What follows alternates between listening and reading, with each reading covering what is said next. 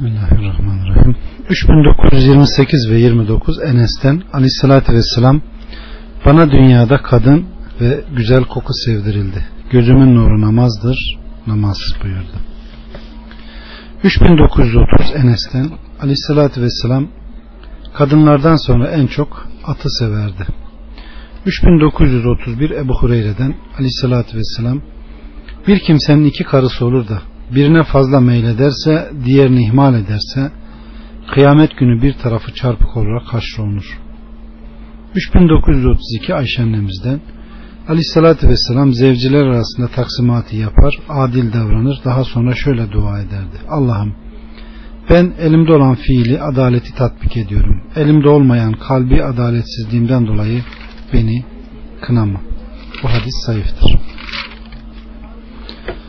3933-34 Ayşe annemizden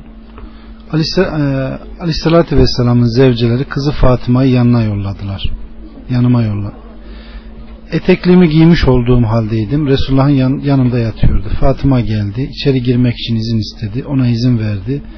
İçeri girince Fatıma ya Resulullah zevcelerin beni sana göndererek Ebu Kuafe'nin kızı torunu hakkında adil olmanı aralarında ayrım yapmamanı istediler dedi.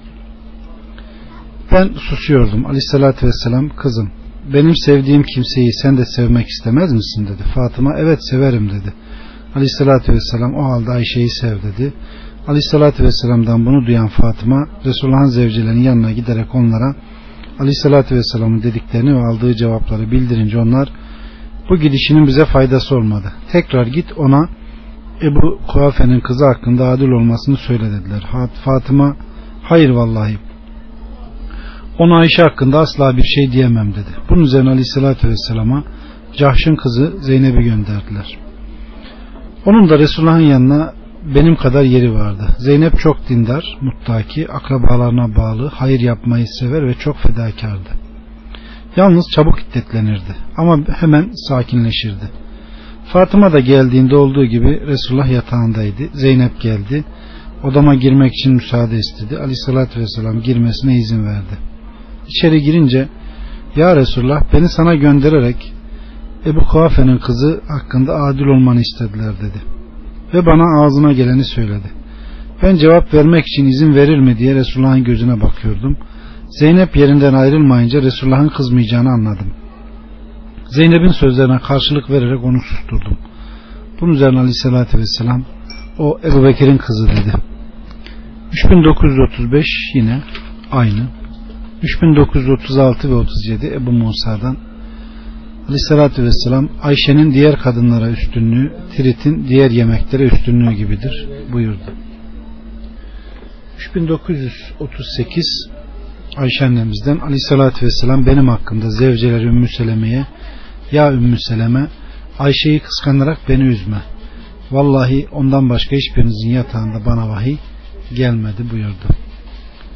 3939 yine aynı. 3940 Ayşe annemizden Müslümanlar Resulullah'ın rızasını kazanmak maksadıyla hediyelerini getirmek için benim günümü kolluyorlardı. 3941 Ayşe annemizden ben yanındayken Resulullah'a vahiy geldi. Hemen kalktım. Yanından ayrılarak kapıyı kapattım. Vahiyden sonra kendine gelince bana ya Ayşe Cibril sana selam söylüyor dedi. 3942 ve 3943 yine aynı. 3944 Enes'ten Aleyhisselatü Vesselam Ayşe'nin yanındayken Ümmü Seleme bir kap yemek gönderdi. Ayşe Resul Ekrem'in eline vurdu. Kap düştü iki parça oldu. Peygamber aleyhisselam parçaları birbirine yapıştırdı. Anneniz kıskandı dedi.